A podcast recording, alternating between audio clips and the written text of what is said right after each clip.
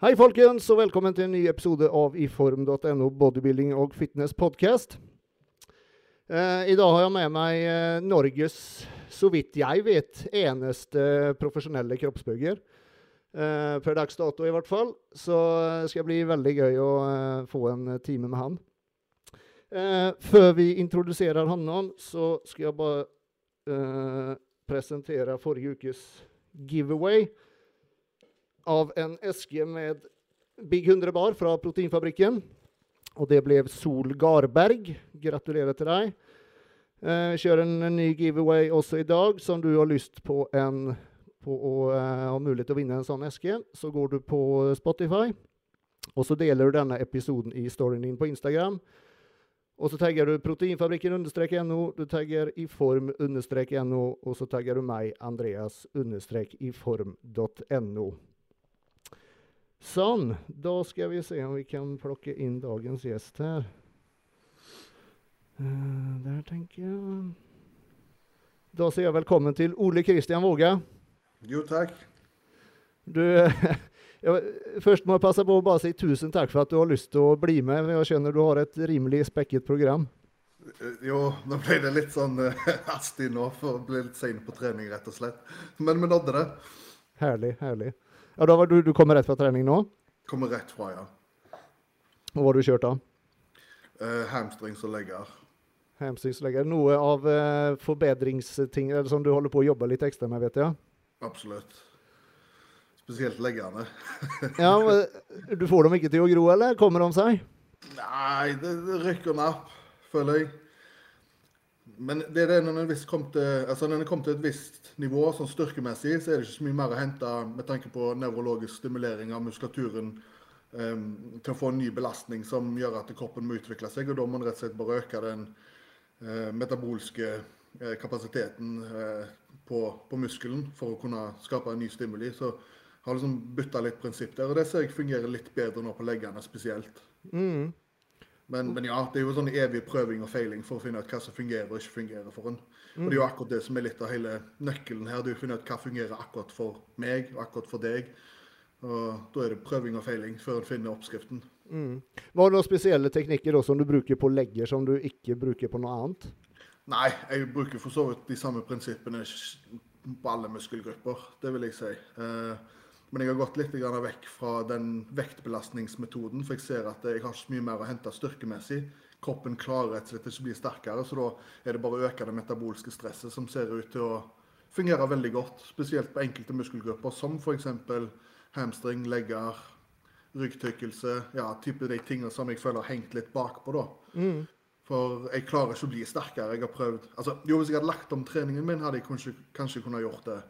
Men over en sånn treårsperiode, nå f.eks. i markløft, knebøy, så kommer jeg til et visst platå, og det er ca. samme platå hver gang. Og da klarer ikke jeg å skape noen nye stimuli for muskulaturen til å måtte utvikle seg i et volum. Eh, altså rett og slett øke tverrsnittet på muskelcellene. Og da må jeg tenke annerledes. Mm. Mm. Og hvilke slags teknikker er det du har, du har benyttet deg av nå siste tida? Nå i det siste har jeg, siste året har jeg lagt inn en del typ sånn cluster, restpause-trening. Mm. Um, både for å ivareta det metabolske stresset med tanke på at du har kortere pauser, men òg på den nevrologiske biten, der du allerede har tretta den delen av muskulaturen som er enklest å stimulere nevrologisk, for det er den du alltid har brukt. Men når den først er sliten, når de altså celle på cellenivå, at ATP-en er tom, og ribosomene på en måte energifabrikken i hver celle er egentlig tom, så må du klare å aktivere større deler av muskulaturen med å ha den korte pausen og så gå i gang igjen. Og, og det ser jeg har fungert veldig godt på, på, på mange ting. Eh, for da blir du tvunget til å aktivere en større del av muskulaturen. Eh, så det har jeg brukt en del. Og så har jeg brukt en del av eh, SST, sånn type Patrick Thor, hvis du er kjent med, med den metoden. Nei. Det er rett og slett det er litt, litt clusterprega, men òg time and attention, der du jobber I hovedsak så er det egentlig seks subset med 20 sekunder pause mellom hver. Så du har tre vanlige cluster-sett med samme vekt. Altså ti repetisjoner, 20 sekunder pause, så mange du klarer, som blir type 6-7. 20 sekunder pause, så mange du klarer, som blir kanskje 4-5 repetisjoner. Pause igjen 20 sekunder, med ned 20 på vekt. Og så jobber du på den konsentriske delen. Ned 20 sekunder pause, 20% vekt ned. Og så jobber du på den eksentriske delen. 20 sekunder pause, 20% vekt ned, og så er det statisk hold. Så da jobber du på en måte med alle de beste prinsippene for tanke på ny stimulering i ett stort sett. da. Men da har du bare ett sett på den øvelsen. Ja, riktig. Riktig. Så det er det, altså En siste metode har vært på rett og slett å øke time on attention med, med å jobbe med et lengre eh, eh, altså, å jobbe over en lengre periode med samme belastning, rett og slett. Bare for Jeg har sett å kjøre en del langsomme rep, liksom. For eksempel, ja. ja. Mm. Så, så, det har fungert veldig godt, egentlig. Så jeg er stor fornøyd sånn sett, jeg, altså. Men det handler om på en måte å tenke litt igjennom hvordan trener en, um, og så se tilbake oss på hva en har gjort, og hva som fungerer for nettopp en sjøl. For det, det, er ingen hemmelighet. En må liksom finne den oppskriften som fungerer for en sjøl. Mm, mm. Men Er det her noe du har, du har, kommet opp med selv, eller noe du har fått uh, hjelp av fra, fra Team Sassi? Ja, altså Mauro introduserte meg det for å øke det metabolske stresset. Og så har jeg på en måte tatt ballen litt videre sjøl i egne hender for å finne ut hva som fungerer best for akkurat meg. Mm. Fordi, akkurat det, at, fordi om han har masse atleter, så, så har en liksom på en måte Grunntanken er lik, men en må tilpasse det til individet. Og den arbeidsoppgaven må nesten ta på seg sjøl, for ellers så eh, eh, Fordi en kjenner sin egen kropp best sjøl. Altså, alle vi har jo trent i 10-15 år pluss. pluss. Mm. Så vi kjenner jo veldig godt hva øvelser fungerer, og da holder vi oss alltid de øvelsene. Fordi en kommer til et visst punkt at det, variasjonen er ikke å bytte øvelsen, variasjonen er å bytte metode for å skape ny stimuli. Fordi sånn som du har trent såpass lenge at du vet hva øvelser som er gode for deg. Hvorfor skal du da bytte dem ut med noen andre øvelser bare for å skape variasjon? Altså, og Det blir feil å tenke variasjon. er heller å tenke hvordan kan du skape en ny stimuli med en allerede god øvelse som stimulerer den muskulaturen du ønsker å treffe best mulig. Fordi mm. alle forskjellige. Markløft er f.eks. en glut ham-øvelse for meg, men for mange er det en ryggøvelse. Vi er anatomisk forskjellige alle mann, så vi må finne de øvelsene for oss som fungerer best, og så heller anvende de metodene som disse anerkjente coachene har kommet opp med som en ser vitenskapelig ut fra forskningsresultater fungerer. Om de har, sånn som Med Patrick Thor så tok jo han CT-scan av alle for å måle muskeltverrsnittet mm. over tid. Så på en måte en, en har en viss, et visst grunnlag for at dette har en effekt, men så må en finne den tilpassa effekten til seg sjøl. For alle er forskjellige med hvor mye, hvor mye de tåler, rett og slett. Noen tåler lite mengde, noen tåler mye. Noen må ha høy frekvens, noen må ha lav frekvens. altså Vi er mm. forskjellige alle mann. Så jeg vet hva som fungerer for meg, men jeg vet jo ikke nødvendigvis En må liksom finne hver, en optimal løsning for hver enkelt. Mm, mm. Ja, sånn i forhold til frekvens og, og volym, hvor ligger du? Er du en høyvolymkar eller lavvolym? Det kommer litt an på muskelen. Eh, mm. Jeg har funnet ut at for min del så har rygg et større behov for en høyere frekvens, men et lavere volum. Mens f.eks. på armer så kan jeg ha et høyt volum men lav frekvens. Mm. Så det, det, er jo eh, eh, Kroppen er såpass kompleks at det er én ting som fungerer på én muskel, fungerer ikke nødvendigvis på en annen muskel. Mm. Så jeg har funnet på en måte Men dette er jo sant, jeg har trent veldig lenge.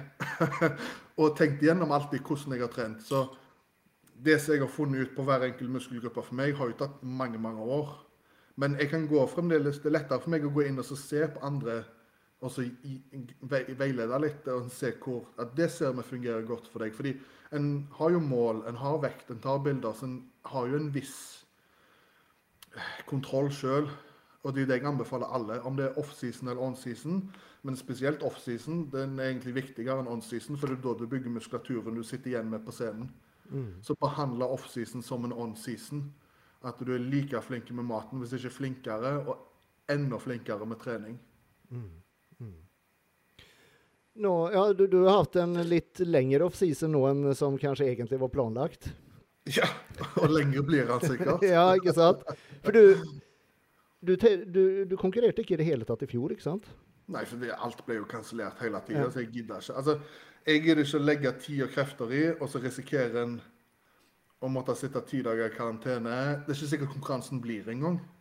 Nei, ikke sant. Nei, ikke sant. Og, og, og hvis en gjør regnestykket på det, da, så er det kanskje flybilletter og hotell og alt. Det er kanskje 10 000-15 000. Og så må en sitte i karantene, så er det tapt arbeidsinntekt 10 000-15 000 pluss. Så hver konkurranse blir plutselig da 30 000. Så spennende er det ikke.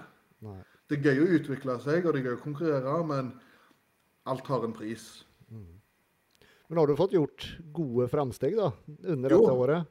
Absolutt. Så jeg hadde jo håpet jeg skulle få lov til å vise meg fram igjen snart. ja, ikke sant? Jeg satt og så på litt bilder i stad, bare som ryggen din. Fy fader. Den har grodd bra, altså. Der har det skjedd nok mest de siste ett og et halvt, to åra.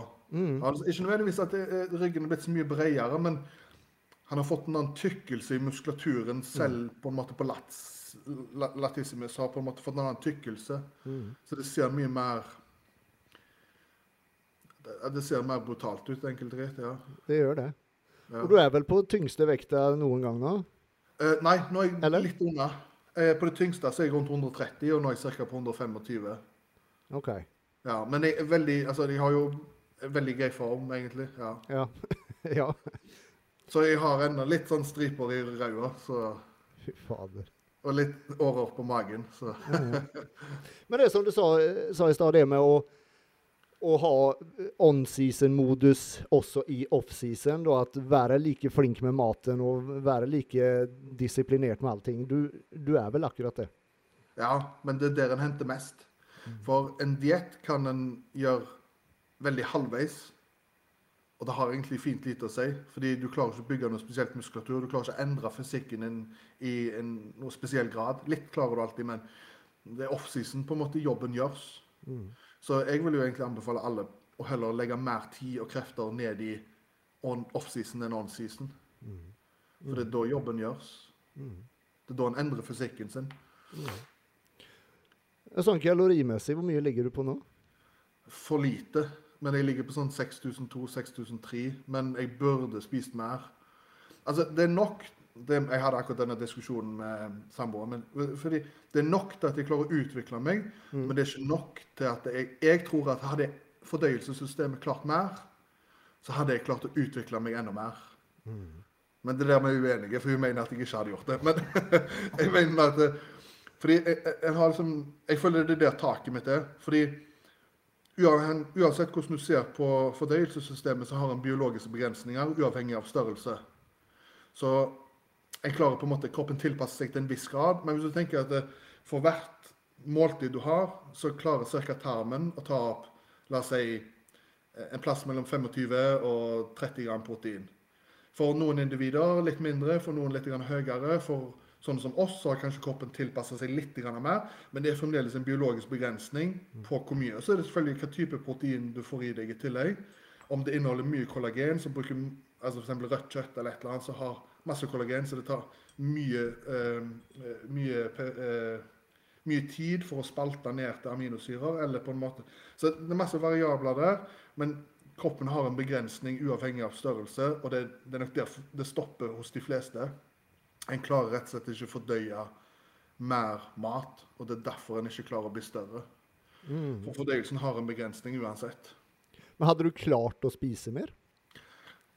Altså, d- d- det er jo det at kroppen begrenser det for fordøyelsen er allerede på spreng. Så, så en hadde sikkert alltid klart mer, hadde på en måte ikke kroppen vært bygd opp på den måten som han er. Men nå er han bygd opp sånn, så vi, vi får ikke gjort noe med det. ja. Jeg vet du har sagt det en annen gang, eh, mener du sa til meg, at eh, din superpower det er at du kan spise uansett om du er sulten eller ikke. Jo, det kan jeg, men, men hvis en gjør det, så blir det til at eh, fordøyelsen eh, klikker. Sant? Da blir det til at en, en, en klarer ikke å ta det opp, og en rett og slett, det går jo rett og slett bare rett igjennom. Så det å finne den hårfine balansen, og for meg så er den ca. på 6,2-6,3 en plass. Jeg har prøvd 7000, og det går kanskje en dag og to og tre, men du merker at kroppen protesterer veldig. Så, så ja, det er kanskje en superkraft jeg kan spise selv om jeg ikke vil ha, men For jeg regner med at om 6000 kalorier, det, det, det er bra mat også. Jo, jo, jo. Og så er det noe fra sånn FOS-type dekstrose, altså drikkende i sammenheng med trening.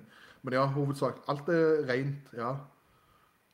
Og sånn eh, karb i forhold til protein, hvor, hvor høyt ligger du på? Altså, tanken min har jo alltid vært um, å aldri ha protein som energi, og aldri ha fett som energi. Og da er det på en måte å kjøre opp karben så høyt som mulig. For vi ser at det, i alle forsøk som blitt gjort, alle artikler jeg har lest på PubMed f.eks., så ser en igjen at klarer kroppen å gå rent på karbohydrater, så fungerer den mye bedre. En trenger egentlig bare proteiner til akkurat den re... Hva kan jeg si? Restitusjonsbiten. En trenger ikke proteiner til noe som helst. Så å ha et for høyt proteininntak har egentlig bare en negativ konsekvens. Det er bare en dyr måte. For det sier seg selv, hvis, hvis du sliter med kalorier, og du prøver å spise 100 gram protein mer, så er det en halv kilo kjøtt. Det er jævlig vanskelig å spise en halv kilo kjøtt kontra å spise 120 gram ris. Det er samme kaloriene. Så derfor kan du ikke komme til meg og si at en kalori er en kalori. For det er det ikke. Og så er det noe med det at når du først endrer insulinfølsomheten med å gå på en lavfett type diett fordi du, Det begrenser hvor mye fett du trenger for de biologiske prosessene som kroppen gjør. Og hvis du tar vekk da, at du har fett som energi, så sitter en igjen med en veldig lav fettmengde en trenger for å ivareta dem. For det er bare noen visse hormoner som trengs å produsere, som trenger fettsyrer i seg. Og hvis en da på en måte klarer å få vekk det, så ser en jo at insulinfølsomheten endres så betraktelig mye med at fett ikke blir brukt som energi, og kroppen går rent på karb. Så blir det akkurat som å hive mer bensin på bålet. Så jeg ser nesten i alle eksempler der jeg på en måte hjelper andre, så har de gått fra en kalorisammensetning som har kanskje da vært la oss si 4000 kalorier, mens når de går over på en ren karbforbrenning med lavfett og moderat protein, så klarer en kanskje 1000-1200 mer, og formen holdes lik. Så Derfor er det ikke så enkelt å si at en kalori er en kalori, fordi kroppen absorberer og bruker energien forskjellig ut ifra hvordan kalorisammensetningen er over lengre tid. Så jeg er veldig fan av moderat protein, akkurat det du trenger. For det er ingenting som er mer levertoxic enn protein. Så prøver vi å begrense det så mye som mulig. Og så er det mye lettere å spise karb, hvis en tenker på kalorimessig. Mm. Og så fetto så lavt som mulig. Så jeg ligger alt mellom 800 til 1200 gram karb dagen. Og så kanskje 260-270 på det aller høyeste har jeg maks 300 gram protein. Og jeg er 125-130 kilo i form. Ikke sant. Uh, og så har jeg fett en plass mellom 35 og 65. Så i prosent så er jo den kalorisammensetningen fra fett ofte nede i 6-7-8 maks. Det er egentlig bare det du får ifra proteiner, da, eller det fettet som er i kjøttet og, og, og i karboen? Så å si. Litt grann tilskudd utenom med omega-3 og litt sånt, men ikke noe utenom det. Kanskje to-tre egg her og der, hele egg utenom. Eh, mm. Uh, og det er da du kommer opp i den 65-en, ja. Mm. Så, så, nei. Men, men, det fungerer for meg. Ja, ja, ja. Jeg ser ikke det fungerer for alle, men jeg ser det fungerer for mange som er gode involvert med. Uh, og jeg ser det òg spesielt på f.eks. diabetikere, der insulinbruken går betraktelig mye ned når de går over til en høykarb-diett med lavfett. Så liksom, Det blir litt sånn vranglære ofte det de får ut fra sykehuset når de er nydiagnosert. Mm. Og den, det kan hun anvende på en måte i, i sin egen, egen bruk da, av mm. karbohydrater og fett og protein. Mm. Så det er i hvert fall min tanke. Om, om det er rett, det vet jeg ikke, men det funker for meg. Ja, ja, ja ikke sant. Hvor lenge har du, har, du vært med Mauri Sassi nå, Team Stones? Fire år. Det er fire år? Ja. Uh -huh. Så sist meg og deg snakket, var vel høsten 18? Ja, stemmer. Stemmer. To og et halvt år siden, ja. Jo. Uh -huh. Og da, da, hadde du vel ennå ikke gjort din første proffkonkurranse? om jeg ikke husker før. Nei. Jeg gikk eh, et, Da hadde jeg vel akkurat fått kortet, bare et par uker før. Mm. Og så gikk jeg da ganske kort tid etterpå, et halvår etterpå gikk jeg igjen. Hvordan var opplevelsen der, å, å stille som proff første gangen? Å, det var veldig greit. Fordi jeg visste jo da at uh, jeg stilte, Siden jeg bare stilte et halvt år etter jeg hadde fått kort, så, så tenkte jeg at jeg, hvis, Og da jeg kom jeg, når jeg gikk i Portugal, så fikk jeg tiende av 21. Så da var det jo veldig greit å se at OK, en kommer egentlig inn som amatør og allerede er over midten av skalaen. Mm. Så da visste jeg jo med meg sjøl at ok, hvis jeg bare får et år til, så, så er jeg liksom topp fem. Og det er det på en måte alltid har vært. Det er det målet mitt alltid har vært. Så det bør jeg være nå, men jeg må nesten få vist det. Ja, ja, ja, ja. Jeg kan bare snakke. men, men uh, målet er topp fem, sier du, i en proffkonkurranse, men, men sånn Om man tenker litt lenger enn det Jeg regner med du har, som de fleste, har mål om som er på det nivået det er å komme til Olympia? Jo, men det tror jeg skal gå. Eh, at Hvis en kjører et par konkurranser, så får en det på poeng eventuelt. Eh, så, det skal gå greit, tror jeg. Mm. Eh, så tanken før egentlig alt covid var jo at det skulle jeg klare innen 20, altså skulle jeg klare året 2022. Men jeg, jeg, vet ikke hvordan ting er nå. Det, altså, alt er så jævlig utrygt med tanke på det som vi ser nå. Og spesielt med tanke på det som vi ser nede i Brasil nå. Ja. Hvis det sprer seg videre. Sant? Så jeg tør nesten ikke tenke helt i de banene. Og da tenker jeg at eh, vi fortsetter bare sånn som vi gjør nå, og så tar vi litt ting som det kommer. For jeg blir i hvert fall ikke dårligere med tida. Nei. Men også når du så, så Olympia-lineupen Du ser de gutta der, og så ja. vet du selv hva du er kapabel til. Hva tenker du da? Nei, nei, nei. nei. Uh, en ting er jeg klarer, hvordan jeg klarer å være om tre-fire år. Det er en ting. Men sånn som jeg er nå, så ser en jo at eh, okay, en, er, en, en, er, ikke god nok egentlig til å ha noe der å gjøre. Mm. Så eh, tanken er at det kanskje om et år så er en kanskje god nok til at en har noe der å gjøre, at en kan få en 15.-plass, kanskje. Mm. Men, men, det er liksom det. Uh, og jeg ser aldri for meg egentlig at jeg noen gang vil komme over topp 10 i, i en Olympia. Rett og slett pga. genetiske begrensninger som jeg har, kontra det jeg ser da som er topp 10. Mm. Uh, muligens kanskje om, om fem-seks år, som er all time high, at jeg vil kanskje klare en tiende. Men det er liksom absolutt beste scenario. Da skal en være skadefri, alt skal klaffe. Så jeg må på en måte være litt realistisk oppi det hele. Mm. Og, og, og, da sier jeg at ja, jeg, jeg, kom, jeg er nok god nok til å komme komme der. Men hvor mye en har å gjøre der, det er en annen sak. Men jeg har i hvert fall vært der, og da er jeg fornøyd. ja, ja, ikke sant. Men når jeg hører deg snakke, det er, um, og da jeg ser For du, du har liksom fulltidsjobb ved, ved, siden av, du har familie. og så, så som jeg ser det, så er liksom byggingen er mer en hobby. Det er liksom ikke livet som det er for veldig mange andre proffer. Nei, men samtidig jo så er det jo det er jo en veldig stor del av identiteten min. Ja, det kan, tar kanskje så stor del av hverdagen sett i, i en hverdagsperspektiv, men det ligger jo i bakhodet hele tida, og det er jo den personen jeg er. Mm.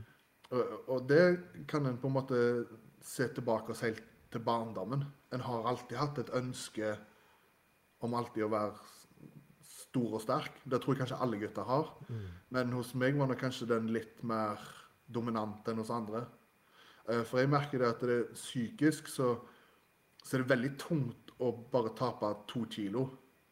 Det er veldig tungt å bare så, så, ja, det ligger nok en megareksi der til grunn, uten tid. Som kanskje nok litt sterkere hos meg enn andre.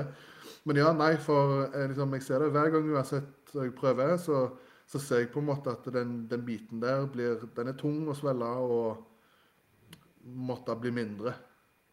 Og den har nok alltid ligget til grunn. Mm. Så det har liksom gradvis Så derfor jeg sier at ja, det er kanskje ikke livet for meg, men samtidig jo så klarer jeg ikke å se en hverdag uten. Nei. Men du har aldri sett for deg å, å faktisk gjøre det på fulltid? Nei, det tror jeg ikke. Jeg er litt for glad i det å rett og slett være ingeniør. Mm. Den problemløsningen og rett og slett bare jobbe med fag. Uh, og ikke minst være med andre som, som, ikke har noe med dette her å gjøre. Mm. For da får jeg det litt på avstand, og da blir det mye enklere å være Da er det mye lettere å like det. Mm. Mm. Og da er det på en måte ikke livet. Ja, det er livet på en måte, men samtidig så er det en, en, de, en del av livet, bare. Det, det, identifiserer meg som person, ja, uh, på mange, veld, veldig mange områder. Og jeg har dratt med meg mange av de tingene jeg har lært innenfor treningsverdenen, inn i arbeidslivet. Absolutt. Så det har gjort meg til en bedre person som Eller en bedre arbeidstaker, ja. Gjort meg til en bedre far, ja. En bedre partner, ja. Så en har liksom på en måte Jeg må ikke bare se det negative, for jeg føler jo at jeg har klart å hente mye av det som kanskje blir ansett som dårlig med å være så kroppsfokusert har jeg på en måte klart å vri om til noe positivt i andre sammenhenger. Mm. Men ja, det har jo det har jo kosta, for det blir jo til at av og til så prioriterer en kanskje feil i enkelte sosiale sammenhenger eller enkelte ting. Fordi en, en, en ser at det begrenser muligheten til å spise det en skal trene. ja. Så det blir jo sjelden at en drar på hytta en hele uke for å stå på ski. Da blir det sant. Så, så det begrenser en på den måten der, og det er synd at de gjør det. Men det på en måte har jeg prøvd, og jeg ser at det, jeg klarer ikke på en måte å slippe det helt. Så, så ja, det styrer på en måte litt på den måten. Det gjør det. Ja, for du, du spiser dine måltider uansett hvilken dag det er, eller om du er bedt ut, så har du med deg boksen din og, og spiser den uansett. Ja, det har ikke noe å si. Nei. Nei. Men fordi om en blir bedt ut, så spiser jeg jo bare ekstra, da, Ja, eventuelt. ja OK. Ja. Ja, ja, så kan man også gjøre. Eh, for å gå tilbake litt. Når, når var det egentlig en proff, eller tanke på å bli proff dukket opp? Hvor langt tilbake skal vi da? Jeg tror det må bli 2016. Da gikk jeg først Loaded Cup og kom på tredjeplass i pluss 100. Og så gikk jeg Sweden Grand Prix, så vant jeg pluss 100 og overallen. Og så kom jeg på fjerde i Olympia amatør i Spania, og da begynte jeg å innse at ah, ja, en er kanskje ikke så langt ifra. Og så satte jeg inn et lite ekstragir i 17, når meg og Mauro begynte å jobbe sammen. Og så gikk det jo bare ett og et halvt år fra meg og han begynte sammen, til at jeg fikk proffkort. Så da var på en måte allerede veien staka litt for meg. Ja. Men er, det, er din hverdag noe, noe annerledes nå som du er proff? Nei, Det er det samme? prikk likt. Det, det, det er litt misforstått. Ja, den fikk kanskje bedre sponsoravtaler, men de sa jeg alle opp fordi at jeg var lei av å være knytta på hender. Så du er ikke med Dragon lenger? Ingen Ah, sa opp alle for ett år siden. for du hadde ganske god deal med, med Dragon, hadde du ikke det? Jo, men Det ble for mye mas? Av og til så kommer en til et punkt at uh, en vil gjøre Det, det, det liker jeg veldig godt med f.eks. jobben jeg har. Når jeg lukker igjen PC-en, så er det glemt. Og da tenker ikke jeg jobb før jeg åpner PC-en igjen, nesten. Mm. Mens når en har de type sponsoravtalene, så er det hele tida noe som ligger i bakhodet. Du må på en måte finne på ting du kan poste. Du har krav over så og så mange poster, så og så mange storyer. Det er sånne dealer når det er Thanksgiving, Black Friday lala. Det er hele tida noe. Og når du på en måte summerer alt opp, hvor mye det stjeler av ofte da kveldstid, helgetid, tid jeg egentlig aldri ikke, ikke vil bruke på en måte på jobb, så, så ble det ikke verdt det. Rett og slett. Nei. Ja, jeg ser den. Jeg ser den. Så, så da, tar jeg, da har jeg heller litt mindre penger hver måned, og så kan jeg gjøre akkurat hva jeg vil. Ja, sånn kan man også gjøre det. Jo. Eh, skal vi se. Jeg har fått en del eh, spørsmål fra folk som sitter og ser på her. Ja. Skal vi se Det er en Dan Robert eh, spør om du har noen gode triks for å få smak på kylling og risen, så det er lettere å spise store mengder. I don't eat for taste, eller hva da? Jo, det er akkurat det. Jeg spiser bare for funksjon. det er feil mann å spørre. Eh, Nei. Altså, det er jo masse gode krydder og så er det masse gode tilberedningsmetoder. Er du lei, hiv den heller på gassgrillen. Hiv den inn i på en måte aluminiumsfolie uh, og steik inn i ovnen. Uh, mariner litt i forkant hvis ikke vi har det den kravet med at det skal være kalorifritt uh, utenom på en måte akkurat det som er i kyllingen. Jeg er veldig glad i sånn Sweet Baby Race barbecue-saus. da. Så, Ja. Det gjør jo litt ekstra. Men altså Sukkerfri ketsjup, f.eks. Men altså, for meg så er det bare for å få det ned. Jeg, jeg har ikke det behovet med at det må smake så godt og det må være ditt og datt. Det, det er et verktøy. Mat er et verktøy. Det er synd at en ser på det, men mat er et verktøy for meg. Det er ikke lenger Det er ikke mat for glede i den forstand. Mm. Mm. Sen har vi Mike. Han uh, lurer på om du har lyst til å snakke noe om temaet ekstra tilskudd. Det spørs om han legger inn i ordet ekstra tilskudd. Men jeg kan Eh, snakke om alt. erfaring med slikt. eh, han vet at du er åpen om det i andre podkaster angående insulin osv. For eksempel, ja, det er jo uten tvil. Men da må en på en måte tilbake oss til kostholdet først. Og det er akkurat det jeg snakker om. Det er å endre først kroppen til å være i en type forbrenningssyklus som gjør at den brenner på ren karb. For det må en først få på plass før en hele tatt vurderer noe som helst annet for å manipulere insulinsensitiviteten sin og den evnen insulin har til å lage karbohydrater i form av glukose i muskelceller. Så ja, uten tvil. eh, Det er på en måte et tema som vi kan snakke om i lang, lang tid. Og insulin i seg selv er jo ikke noe ulovlig, så det er jo ikke noe ekstra tilskudd i den forstand. Så sånn som på en måte vi har gjort det, eller vi gjør det i vårt team, det er jo rett og slett bare at eh, en må først ha helt 100% kontroll på maten.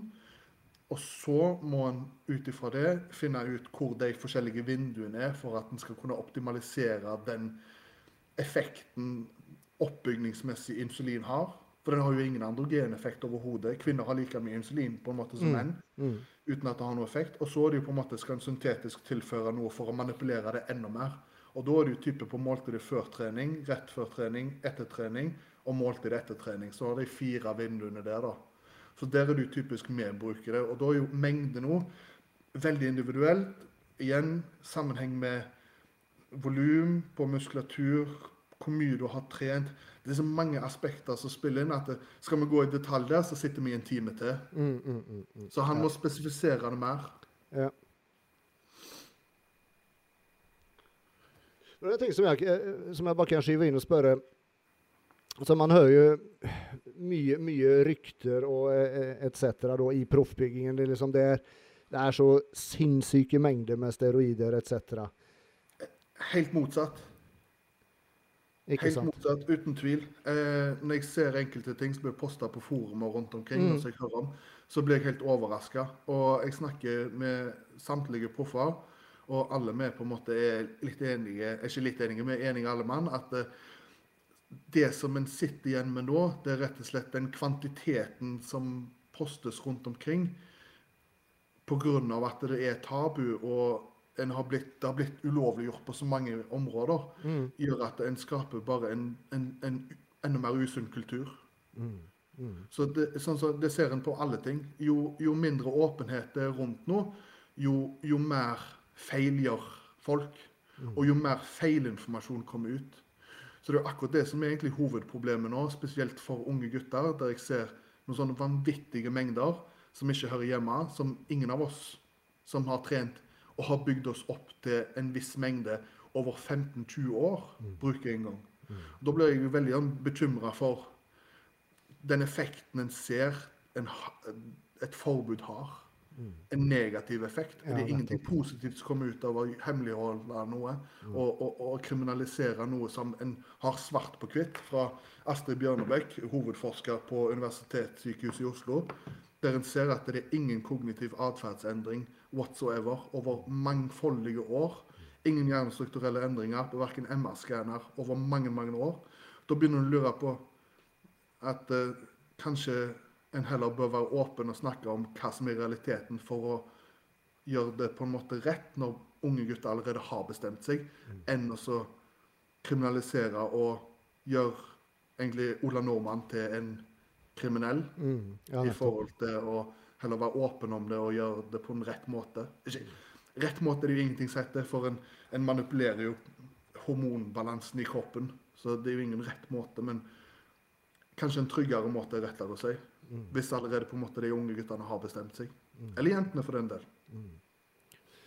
Det er ofte det eller folk, eller de som ikke har noe innblikk i, i bygging, da, liksom, så, så ser de på dere proff, og, og liksom, det er bare dop, det er bare dop. Men for å si det sånn, da, jeg Uansett hva jeg hadde dytta i meg, så hadde jeg aldri blitt seende ut som deg. Uansett. I, ikke sant? For det, det har jo ikke med det å gjøre. Det har med genetikk. Og det er jo utvilsomt noe som du har veldig god. Ni- ni- 90 sikkert genetikk, tror jeg. Fordi det er så mange variabler. Det er eh, evnen muskulaturen har mm, Sett fra et myostatinperspektiv, rett og slett hvor mye myostatin har det, så går det på sensitivitet, på reseptorfølsomhet. Det går på, eh, eh, på, på mm, eh, fordøyelsessystemet, rett og slett hvor godt en klarer å absorbere, energieffektivisere de næringsstoffene tar til seg hvordan en responderer på de forskjellige treningene. Altså, det, er, det er utrolig mange variabler. Altså, du kan bli en dødsgod fotballspiller, Og du trenger ikke ha noen av disse tingene i orden. Det går rett og slett bare mer på hvor nevrologisk god teknikk har du, og muskelkontroll. Så på en måte der har du bare én ting som nesten spiller inn. Selvfølgelig den aerobe kapasiteten spiller jo inn, og det er jo genetisk betinget, det òg. Men her er det 15 forskjellige variabler som må være på plass. Og, og, og, ingen av oss har alle. Ronny Coleman var kanskje en av de få som hadde nesten alle. Men sant? det blir sånn freak of nature, så du ser én gang hvert 1000 år. Sant? Så hvis du tenker på en måte for majoriteten av oss, så, så, så vil, ingen, vil nesten ingen klare å bli pluss 100-bygger. Rett og slett av genetiske betingelser. Nettopp. nettopp. Og, og, og så kommer jo alt det andre inn i spillet. Det aller viktigste det er jo rett og slett mentaliteten. For det er veldig sjelden jeg er motivert til å gå på trening. veldig sjelden jeg er motivert til å trene. Det er jo rett og slett bare på disiplin. En, en, en, ytre motivasjon er å se en video som kjenner å, nå har jeg lyst til å gå og trene. Men det fungerer bare akkurat der og da. Når jeg skal spise de åtte andre måltidene resten av dagen, så går det rett og slett på ren disiplin, og det er en indre en har om at dette vil den. Og det er ikke noe du kan genetisk få, tror jeg. Det er rett og slett bare noe som er innprinta i hodet ditt for den personen du er. Så hvis, så hvis ikke du har det, selv om uansett hva genetikk du har, så klarer du aldri på en måte å komme deg til et visst nivå som, som en måte da, i proffsammenheng, i open bygging. Bikini, mens fysikk eventuelt. Litt andre kriterier, men òg desto enda mer genetisk betinget med tanke på hvordan fysikken ser ut. I bygging så kan du ha litt mangler, men du kan kompensere på andre områder. Så, så, nei, det er en rar idrett vi holder på med. Eller idrett er vel feil å bruke, for det er ikke lov. Men sport heter det vel. Sport. Men om du skulle satt et tall, eller en prosent på hvor mye steroider har har å si, da? 10-15 kanskje. Ikke sant? Ja. Ja, det er ja. Jeg er helt Ikke noe mer, tror jeg, nei.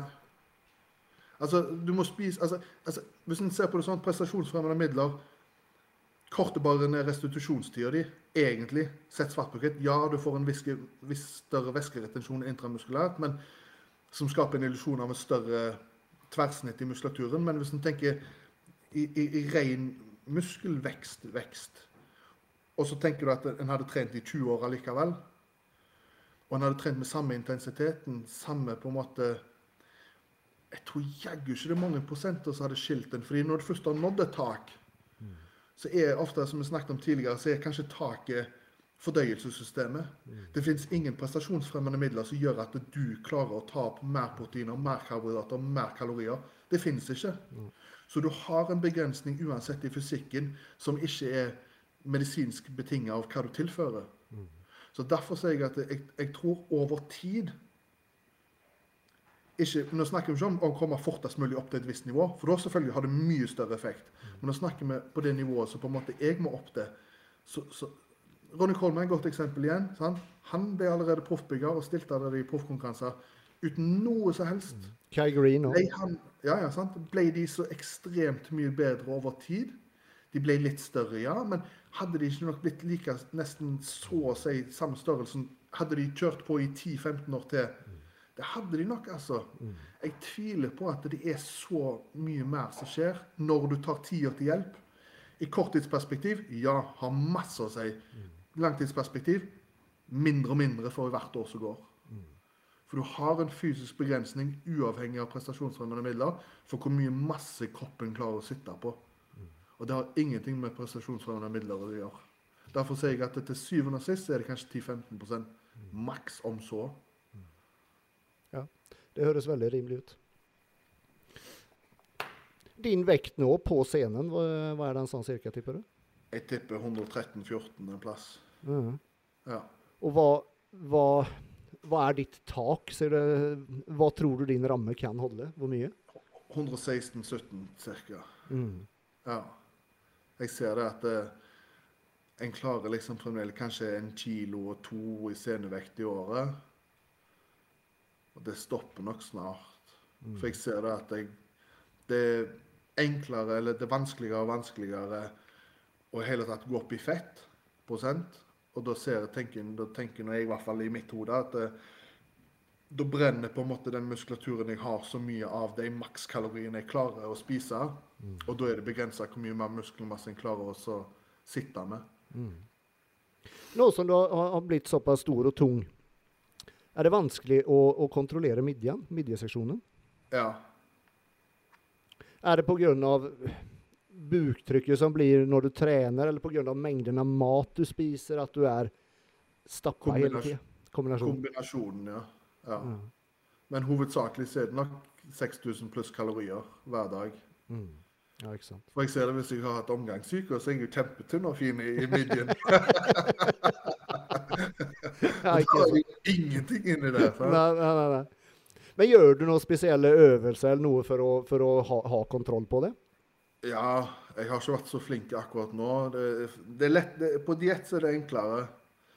Men har, jeg har alltid planke, og så prøver jeg så godt jeg kan på de forskjellige vakuumøvelsene. Men planke ser jeg er en av de beste tingene, for da, da, da jobber en bedre med å ha kontroll mens en samtidig puster. Mm. Og at en klarer på en måte å holde et spenn, men en puster, og en klarer å holde midjen fin. Så planke er nok den aller beste, vil jeg si, for min del. Mm. Uh, for det er jo ikke noe at jeg kommer aldri til å klare noe vakuum uansett. Nei. Jeg tror, aldri, jeg tror ikke jeg klarte vakuum en gang da jeg var classic, tror jeg. Nei, altså eh, Men igjen, genetikk der òg. Hvordan er buken bygd opp, rett og slett? Det, det, det, sant? Mm. Noen klarer kjempevakuum uansett. Andre klarer aldri. Men du kjører fortsatt bøy og mark og, og sånne øvelser? Det er ikke noe at du, du holder deg litt unna de for å Nei, passe på. nei men, men jeg, jeg har nådd taket så mange ganger på de øvelsene at jeg har lagt de litt til sides på den at det skal pushes så mye opp til vekta. For jeg ser at jeg klarer liksom ikke å komme videre, så da fokuserer jeg heller mer på å øke det metabolske stresset for å skape ny stimuli. Og da trenger jeg liksom ikke gå så tungt. Ja, jeg så Men på, altså, tungt er det jo uansett, men jeg så på Instagram når du f.eks. bøyen, da, istedenfor å gå helt ned og få den rebound-effekten, at, at du stopper da litt før Rett og slett bare for å skåne kneet. Eh, For jeg har hatt så mye tull, og så ser jeg at det alltid har bøyen min vært at jeg har gått helt i bånn og fått den spretten fra ligamenter og, og, og, og, og, og sener fra muskulatur. Så, så ser jeg at det, problemet kommer hver gang. Så da har jeg begynt å stoppe litt før, som er faktisk tyngre. En skulle tro det var enklere å kjøre litt kortere bøy, men det er faktisk tyngre. I hvert fall når vektene begynner å bli litt voksne. Og da ser jeg at da klarer jeg å holde meg uten å få de type problemene som jeg har hatt med kneet før. da. Ja. Og sammen med markløften og benkpress og militærpress. Jeg har, jeg har gått litt vekk fra det å hele tida tenke at eh, ny stimuli skal komme fra belastning, fordi jeg ser jeg klarer ikke å bli Jeg har nådd min fysiske begrensning på styrken, og da er det ikke noe ny stimuli å hente. Ja. Jeg skjønner det tar stygt på knærne når du kjører bøy med 300 kilo. liksom. Da, da, Det er det som er så sjukt å se, for det ser så lett ut når du Og det er vel relativt lett. Lett, lett, lett. Altså, rart med det, men mark og bøy og sånt, så føles 200 kilo like tungt ut som 250, som 300, som 350. For det er tungt uansett. Det er bare hvor mye nevrologisk aktivering hjernen må gi til muskulaturen. Det står på nesten. For alt er tungt. Altså, det er vanskelig å forklare, men, men ja.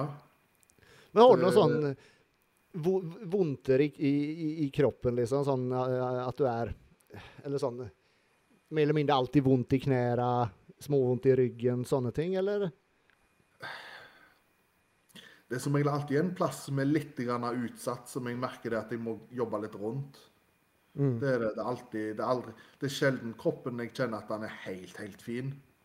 Men han er ofte tilsvarende 100% så akkurat nå så kjenner jeg at eh, eh, hamstringsenene er veldig skjøre. De stikker litt, de er litt vonde. Jeg må være veldig forsiktig på draøvelser som går på hamstring. Og, og, men så, had, så var de fine i flere måneder for det. Men da hadde jeg litt tull med ei venstre skulder, og så hadde jeg en venstre albu. Så, så, så ja, det er som regel alltid noe. ja. det, men, men en jobber liksom litt rundt det hele tida, og så, så, tenker jeg ikke så mye på det, fordi at en har som regel alltid litt vondt en plass. Men om du kjenner at, det er, at no, noe stikker til, da stopper du der og da og, og kjøre Ja. annet, eller la det være noen dager, kanskje. Jo, og så er det forskjell på om det stikker som i at det stikker og brenner på feil plass. For da, da vet jeg at ok, nå er det noe som er i ferd med nesten å ryke. For det skal ikke brenne på den måten i et scenefeste. Mm. Ja, ikke sant. Så, så det er noe med det å lytte til kroppen Når er det på tide å stoppe? Når er det rett og slett bare en muskelvondt? Men det er veldig sjelden jeg har muskelvondt lenger. Det er mange år siden. Når først jeg kjenner noe nå, så er det noe som regel gale. Ja, ja. Så da, da backer jeg off, som du sier. ja. Mm. Hvis jeg bare tar et eh, par spørsmål til her fra noen som sitter og ser på. Uh, hva du tenker om en såkalt bro-split? Lurer Fredrik Fredriks på. Split og har ingenting å si. Det er mer med tanke på metoden som blir brukt for å ivareta en eh, progresjonsbelastning. Så splitt er splitt. Gjør akkurat som du vil. Finn den splitten som passer deg, men heller tenk metode der en ivaretar en, en progresjonsbelastning eh, i form av enten volum eller belastning eller time and attention eller metabolsk stress. Jeg vil heller fokusert mer på det. Ja. Mm. Uh, skal vi se noe mer her Du, du, du, du. Når du har planer om å stille igjen? Ja, som sagt, det kommer helt Så fort de åpner. mm. Jeg, jeg kan være klar på seks-syv uker. Du bruker ikke mer, nei? Nei. Å, fy fader. Jeg er ganske kjapp hvis jeg først bestemmer meg. Ja, ja for du er ca. sånn 10-12 kilo over nå, da? Ja, cirka. Mm. Men nå har jeg ikke noe spesielt uh, væskeretensjon. Så, så, så, så egentlig, på en måte, hvis den hadde vært full blown, så er jeg rundt 130. Mm. Så da er jeg jo på en måte samme formen, men da er jeg jo sant, la oss si 16-17 kilo over. Ja, ja. Ja. Men, men hadde du brukt like lang tid da? Eller hadde du brukt ja, ja, ja. Like lang tid. Ja. Ja, riktig. Den formen du var i sist, det var vel sist Jeg, jeg må bare ta og dele skjermen min. Her. Skal vi se Det er et bilde som bare er helt sinnssykt her. Skal vi se. Jeg må bare få bort eh, Skal vi se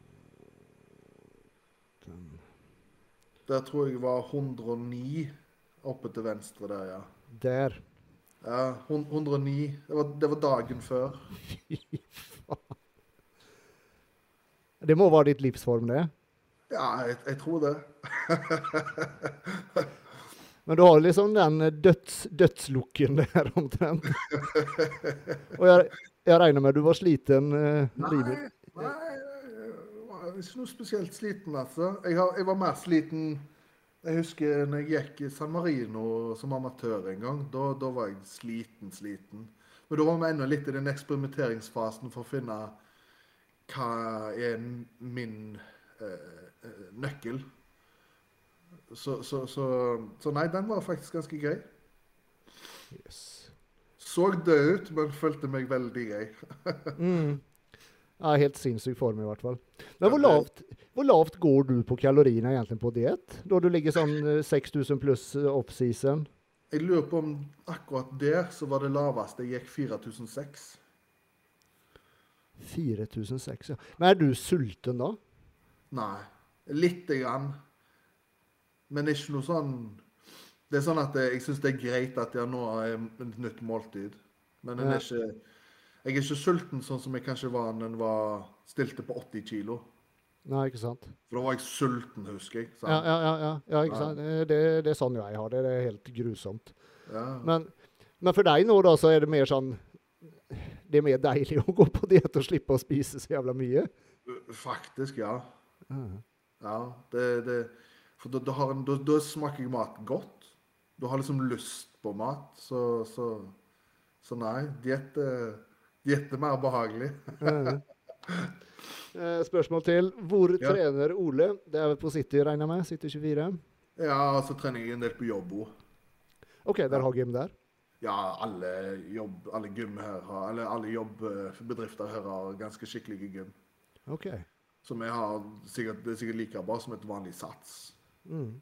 Ja, Det er bare at det er litt mindre. Da. Men du er ikke så eh, at du, du, du må ha det og det utstyret. Du, du klarer deg fint bare så lenge du kan kjøre bas, Ja.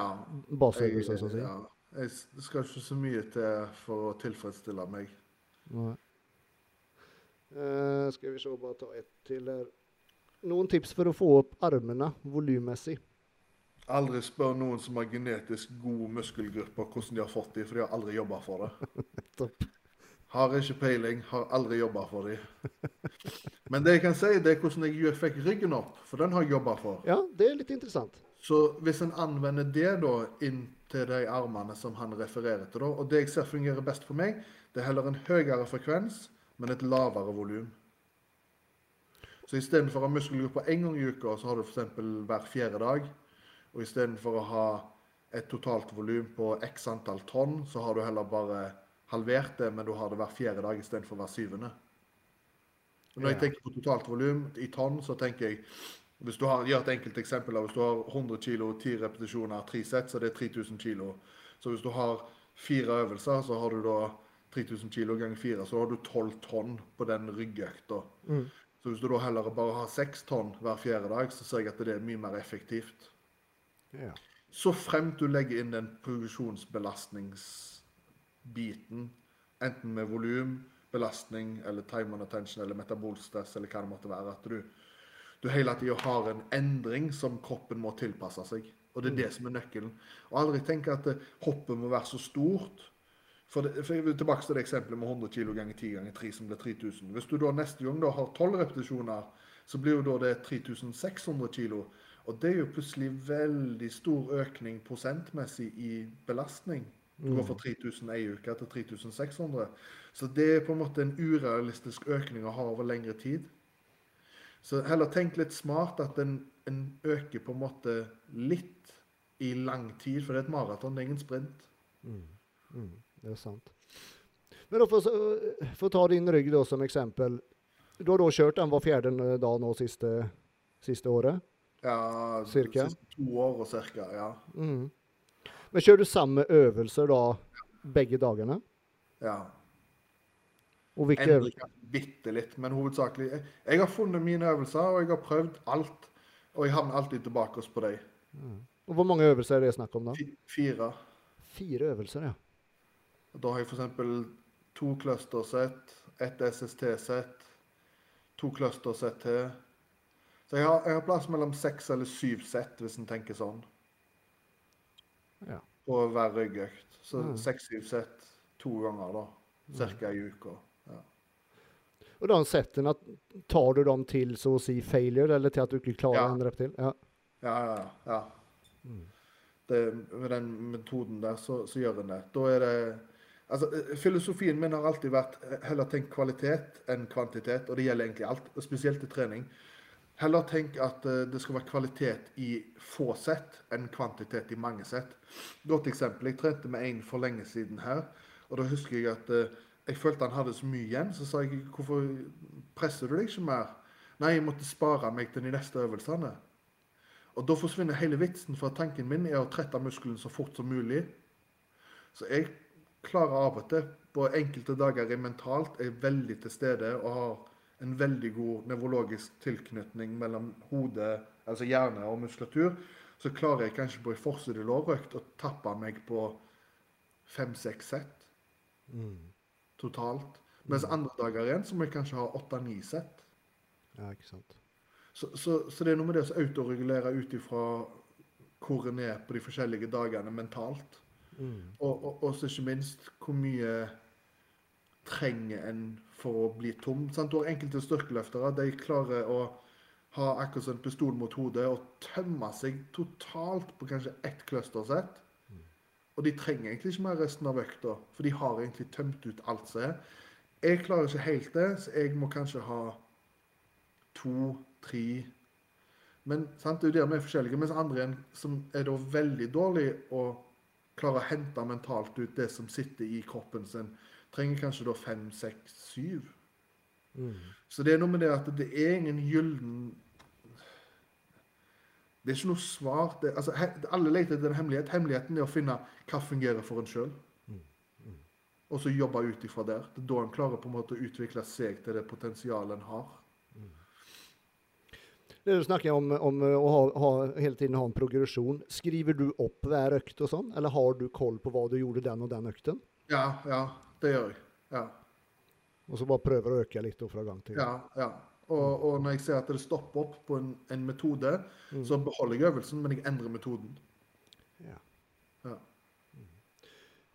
Et spørsmål til, så skal jeg la deg gå.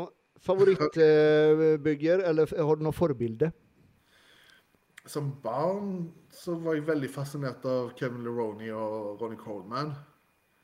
Kevin Leroni var nok litt fordi at det så jeg mer som et fysisk mulig nivå å klare kanskje å komme til sjøl en gang. Coleman ble bare fascinasjon. Ja. At det gikk an. Men eh, det må nok være de to, ja. Men selvfølgelig, eh, en, en, en så jo opp til de norske byggerne på den tida, som da var Tommy Torvaldsen, Jostein Ødegaarden. Vi hadde òg en som het Jostein Mehn, og, og Thomas Delander, ikke minst. Og, det, var, det var mange i den tida som var med og, og, og, og gjorde på en måte bygging mer interessant. Men det er det dessverre ikke nå. Ja, nei, det er ikke mye til bygging her i- til lands nå, dessverre. Nei, dessverre.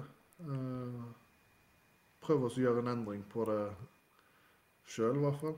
Ja. Det det jeg prøver litt på, i hvert fall. Du gjør en veldig god jobb. Det skal bli, håpe det, det kan bli med tida. skal bli veldig spennende å følge med på. Det får håpe det blir noen konkurranse i år, da. Ja, faen. Håper det. Er det noen som er, som er satt noen dato til i det hele tatt nå, eller?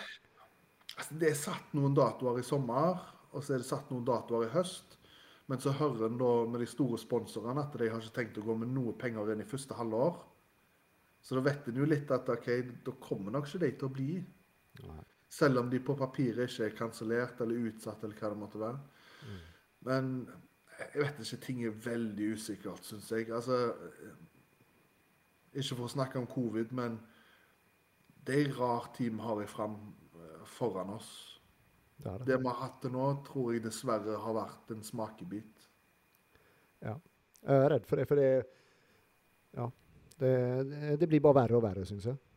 Det er det de gjør, og da tenker jeg at eh, da får vi på en måte heller være litt pessimistiske og bli positivt overraska, enn å gjøre sånn som jeg føler jeg har gjort fram til en viss periode her, der jeg hele tida tenkte ja, nå, ne, nå kan jeg stille, nå, nå begynner Og så blir en hele tida skuffa.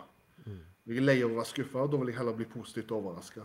Men det er ikke vanskelig for deg å holde motivasjonen oppe og, og, og spise de 6500 kaloriene og kjøre de øktene du skal? Jo, nei, det går ganske greit, det. Jeg, eh, som sagt, en har en indre demon som driver en.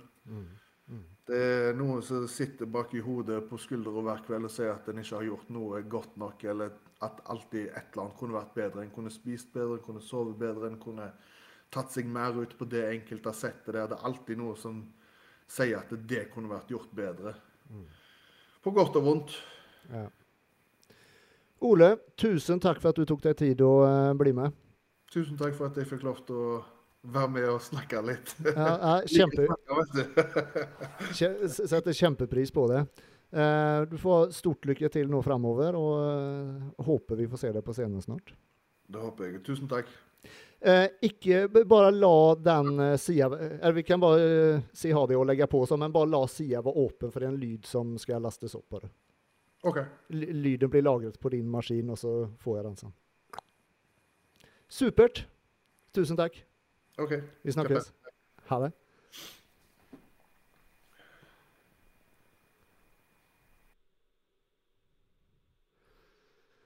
Sånn, folkens.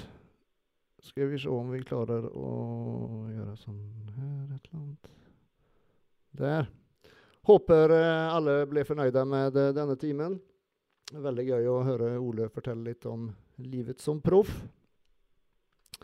Eh, anyways, alle, håper alle får en uh, fin uke. Og til neste gang, ha det godt.